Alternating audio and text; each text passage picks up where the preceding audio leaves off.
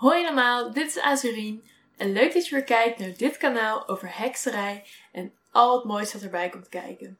In deze video wilde ik eigenlijk met jullie gaan delen welke vragen ik had toen ik begon met hekserij. En het idee daarvan is dat als jullie zelf ook een beginnend heks zijn of al langere tijd bezig zijn, maar nog steeds met bepaalde vragen zitten, dat ik niet per se dat antwoord ga geven, want ik weet natuurlijk niet met welke vragen jullie specifiek zitten, maar meer laten delen dat ook ik uh, misschien zelfs nog steeds een beetje met die vragen zit, terwijl ik al minstens zeven jaar bezig ben met hekserij. Dus het is een beetje bedoeld als um, aanmoediging en geruststelling dat je niet, waarschijnlijk niet de enige bent die ofwel met die specifieke vraag zit of met diezelfde uh, of met andere vragen. Dus ik begin gewoon. Ik heb ze hier op mijn blaadje staan.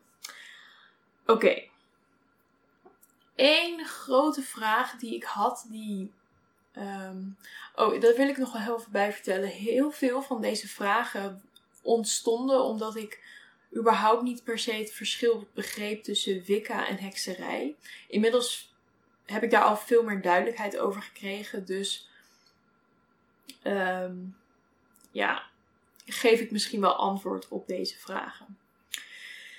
Welke opvatting heeft een heks over wat er gebeurt na de dood? Ik was gewend dat als er een bepaalde religie was, dat er ook een voorschrift was voor wat je moest geloven voor wat er gebeurt na de dood. Dat zien we natuurlijk in het christendom en de islam, dat als je doodgaat, dan ga je, als je goed hebt geleefd, naar de hemel. En als je slecht hebt geleefd, naar de hel. En dan verschilt het natuurlijk per stroming. Um, dat er bepaald wordt wat goed leven is. En betekent dat dat je. Sommige mensen denken dat ze voorbestemd zijn voor de hel of voor de hemel. Maar bij hekserij, de boeken die ik in ieder geval las, gingen daar niet op in. Die gingen niet in op. Um, dit zijn uh, een stukje. Ze gingen niet in op een concept van de hemel of een concept van de hel. En lieten dat vaak een beetje in het midden.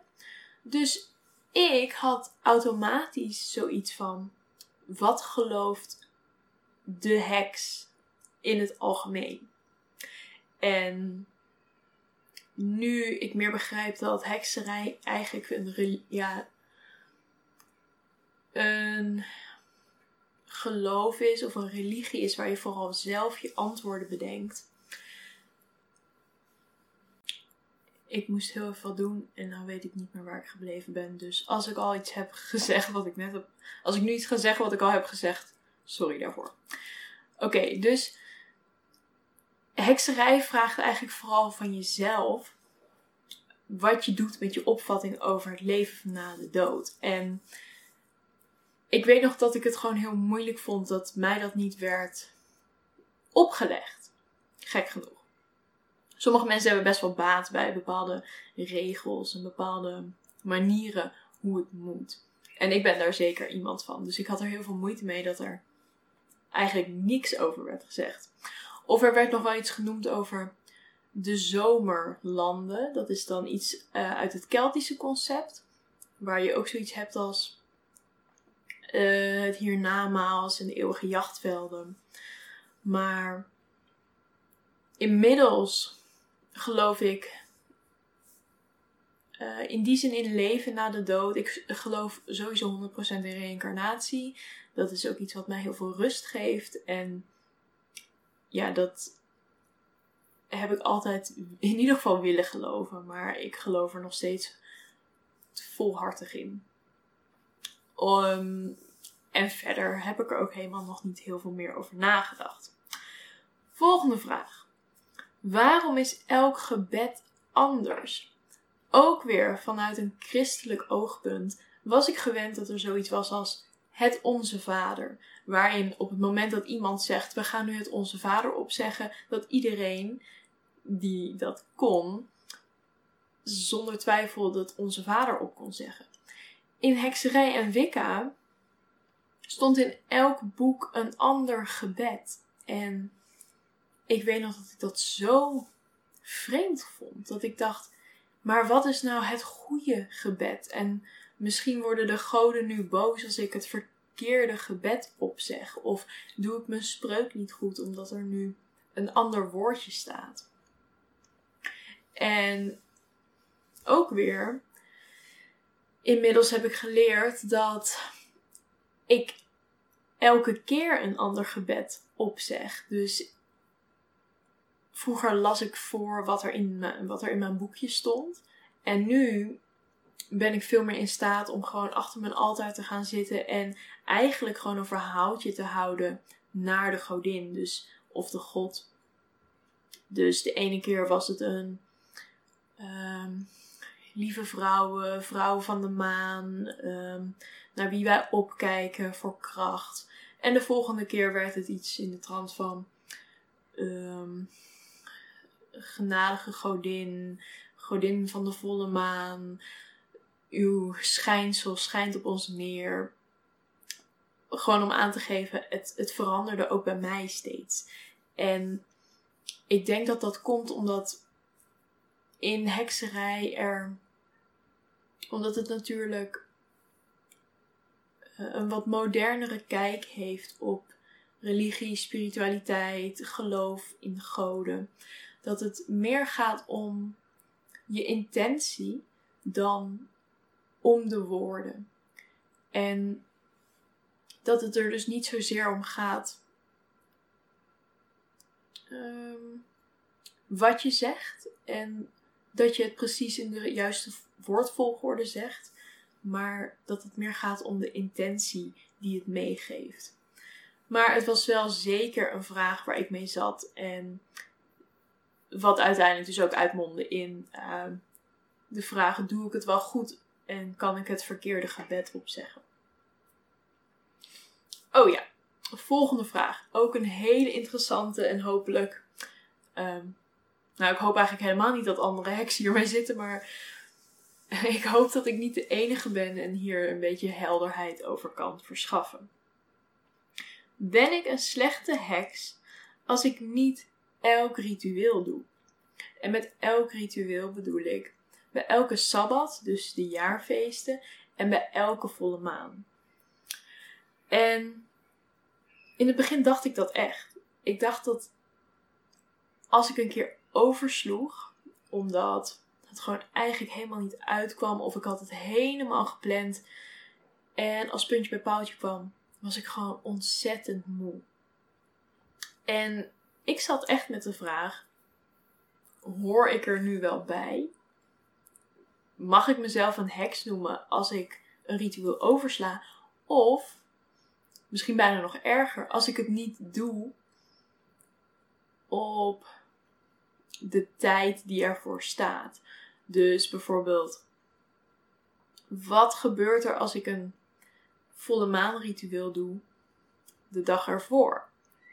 Of de dag erna? Of overdag?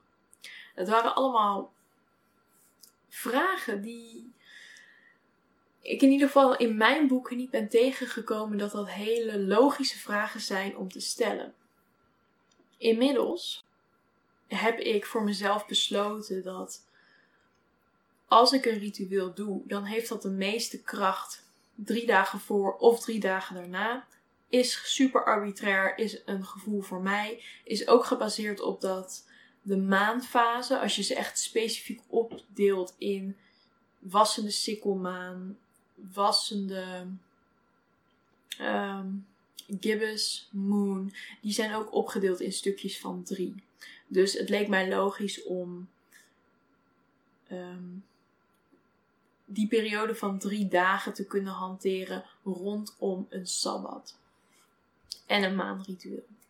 Maar inmiddels heb ik dus ook gewoon ervaren, geleerd, begrepen dat ik niet een slechte heks ben als ik me gewoon te beroerd voel om een ritueel uit te voeren.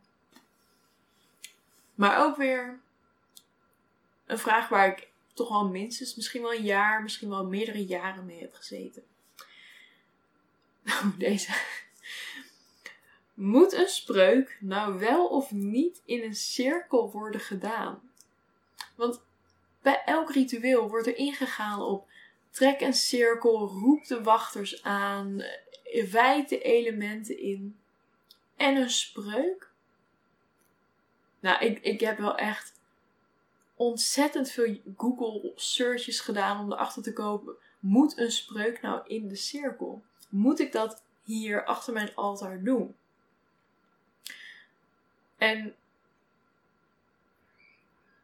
dat was dus gewoon helemaal niet duidelijk voor mij. En ik vraag me af of dat voor elke andere heks super duidelijk was. Want het werd nergens gespecificeerd van als je een spreuk doet, kun je het in een cirkel doen.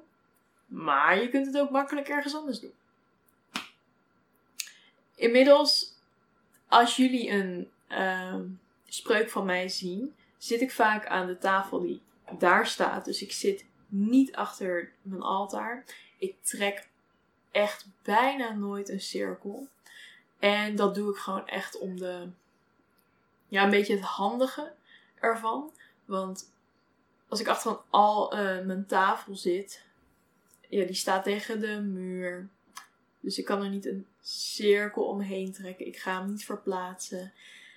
En ik ben er ook achter gekomen dat als je bijvoorbeeld een keukenheks bent, of een spreuk, een keukenmagie doet, dat de meeste heksen ook niet een cirkel in de keuken gaan doen elke keer als ze een taart met wat meer magische intentie gaan maken. Dus toen dacht ik, volgens mij hoef je niet altijd een spreuk te doen in een cirkel. Of eigenlijk andersom, hoef je niet altijd een cirkel te trekken als je een spreuk gaat doen. Um, maar ik denk dat het een beetje zoiets is als in een kookboek staat: snij de groente klein. Maar ook daar staat nooit of het op een snijplank moet. En of je die snijplank misschien ook gewoon net zo goed naar de keukentafel kunt meenemen. Met hetzelfde effect. Ik geloof wel dat als je je spreuk ontzettend veel kracht bij wil geven, dat het beter is om het in een cirkel te doen.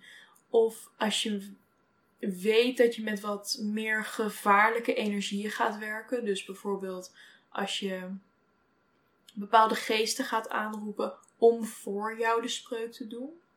Dat wordt over het algemeen niet gedaan in Wicca. Maar in elke soort hekserij kun je je daar natuurlijk uh, in mengen. De, spreuk, de, de cirkel is ter bescherming. De cirkel is ook ter energie. Um, ja, het houdt energie vast. En daarom heb ik het gevoel dat een spreuk altijd een stukje krachtiger is als je het in een cirkel doet. Omdat je het dan kunt laten sudderen. Zo zie ik het graag. Als iets waar je energie aan het brouwen bent. En op het moment dat je de cirkel loslaat, gaat het eruit. Maar bijna al mijn spreuken zijn ook krachtig genoeg als je het zonder cirkel doet. Maar um, zo kun je eindeloos verder gaan. Hè? Dus ook moet je een gewaad dragen als je een spreuk doet. Of kun je het ook gewoon in je normale spijkerbroek doen. En ook dat heb ik uiteindelijk besloten. Er is niks nodig voor een spreuk. Behalve de spreuk. Oké. Nog twee vragen. Wat gaat er nou eigenlijk in een boek der schaduwen? En waarom heet het zo? dus het boek der schaduwen. Het boek dat in elk, in ieder geval Wicca-boek wordt gezegd. Je moet een boek der schaduwen hebben. En het, het, het heet zo omdat. Uh, ja. Ik zou het niet eens meer kunnen vertellen. Waarom heet het een boek der schaduwen? Het, het klinkt super luguber eigenlijk. Dus toen ik heb altijd een dagboekje gehad. En dit is een, ja, zo'n lekker boek van 200 pagina's. Wat je gewoon bij de Action kunt kopen. Voor wat is dit? Ik denk 80 cent, misschien 21. En hier noteer ik gewoon alles in ehm, waar ik aan moet denken als ik, als ik het relevant vind om op te schrijven. Dus wat zag ik nou? Ehm, hier heb ik een lijstje. Oh, hier, deze. Geld sparen, spreuk.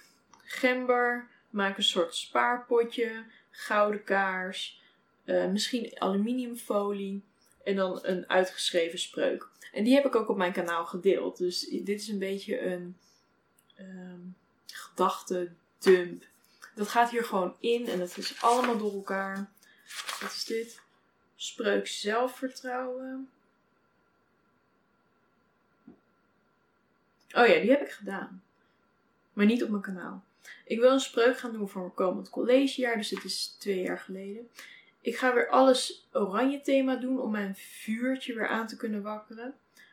Uh, oranje kaars, oranje kassiet, misschien vaccinelichten. Iets om meer en meer vuur te creëren. Ik hoop dat de spreuk zorgt voor meer zelfvertrouwen om dit jaar mijn colleges af te ronden. Ik heb dit jaar mijn college afgerond. Maar ik heb dus dit is niet de spreuk, dit is gewoon echt nadenken over de spreuk. Maar ik zie dit niet als mijn boek der schaduwen. Ik heb inmiddels mijn boek der schaduwen ingepakt. Ik ga even kijken of ik hem per ongeluk erbij kan pakken. Ik kan hem niet vinden. Ehm, maar het is zo'n uh, mooi paper blanks boek met van die clipjes en uh, metaalkleurige versiering. Dus het is echt mijn boek der schaduwen. Whatever that may be. Want ik zit nog steeds met het probleem. Wat schrijf ik daarin? Schrijf ik daar eigenlijk in wat ik in mijn, gewoon mijn heksen notitieboekje schrijf? Of schrijf ik daar in hoe ik mijn rituelen uitvoer? Maar die veranderen steeds. Als in met, met het ritueel verandert het. Dus waar zou dat op slaan? Uh, schrijf ik daar dus de spreuken in die zijn gelukt. Want elke andere random notities voor een spreuk, ook als ze niet lukken, die gaan dus in dit boekje. Overigens hebben meer heksen hier moeite mee. En die hebben zo'n notitieboekje dus ook uh, het boek der spiegels genoemd. Dat is een soort van reflectieboek. En dan noem je dat spiegels en niet een reflectieboek. Heel vet. Schrijf ik daar alles in wat ik in mooie correspondentieboeken zie. Dus een hele lijst met mijn kleurassociaties. Ik weet het niet. En dat is eigenlijk ook waarom ik, denk ik, 20 pagina's heb gevuld in mijn zogenaamde boek der schaduwen. Dus ik wil er eigenlijk nog. Ik weet het dus ook nog steeds niet. Ik weet niet wat ik erin wil doen. Ik heb wel gisteren serieus op, op Instagram opeens een post voorbij zien komen van iemand die zei: Wat is nou het boek der schaduwen? En uh, ingaan op als je wil dat het gewoon een dagboek is, laat het gewoon een dagboek zijn. Dus toen dacht ik wel van: Oké, dit kan dus. Je kunt dus gewoon zeggen, het boek der schaduw is alsnog een soort van informatiedump. Maar ik heb niet 40 euro voor zo'n boek betaald om daar uh, een half jaar mee te doen en dan door te gaan naar het volgende boek. Dus ik zit hier nog steeds mee. Dit is nog steeds een vraag die ik heb, die onduidelijk is in mijn hekserij. Oké, en als laatste. Wat is het verschil tussen een atame en een staf? Dus ik heb hier een van mijn toverstaven en mijn atame. En bijna elk ritueel dat werd uitgevoerd, werd gezegd: roep de wachters aan, teken een pentagram in de lucht met je atame. En deze moest wel op het altaar liggen, maar hij werd niet gebruikt. Dus ik snap niet helemaal hoe je bij een heks altijd denkt aan een toverstaf. En vervolgens moet je eigenlijk alles met je atame doen. En toen las ik een boek over um, toverstaven. Is dat het goede woord? Toverstaven? Het klinkt heel stom. Toverstafs. Dit is waarom ik een Nederlands YouTube kanaal doe over hekserij. Want doe. Want we kunnen niet alles in het Engels gaan beschrijven. Maar voor de sake of the wand, the magic wand. Um, ik heb dit gewoon een beetje zelf meer een plekje gegeven in mijn hekserij. En de grap is, ze zijn allebei bedoeld om energie te sturen. En deze wordt soms geassocieerd met vuur, soms geassocieerd met lucht. En vice versa voor de atamen. En ik ben gewoon gaandeweg mezelf iets meer aan het verbinden met de staf en niet met atamen. Dus als ik nu een pentagram teken of ik probeer energie te sturen, dan pak ik daar nu standaard mijn staf voor. Waar ik dat vroeger met de atamen deed. Maar volgens mij um, is er niet zoiets dat je de atamen alleen maar voor dit mag gebruiken en de staf alleen maar voor dat. Maar als jullie andere dingen daarover weten, het is een vraag waar ik in die zin nog steeds mee zit. Dus um, vertel het me. En dat zijn op dit moment alle vragen waar ik op kon komen. Die, of echt van die brandende vragen. In de eerste instantie uh, geen antwoord op wist. Of nog steeds geen antwoord op heb. En ik hoop dat het voor jullie in die zin een beetje behulpzaam was. Dat vragen erbij horen. En vragen nog steeds er zijn. En dat ze er ook zijn om antwoord op te krijgen. Of een discussie daarover te voeren. Dus laat me weten welke vragen jullie hebben. En waar je misschien vrede mee hebt gehad dat je ze hebt. En dan hoor ik dat graag van jullie. Heel erg bedankt voor het kijken van deze video. En ik hoop jullie snel weer te zien in de volgende. Oké. Doei!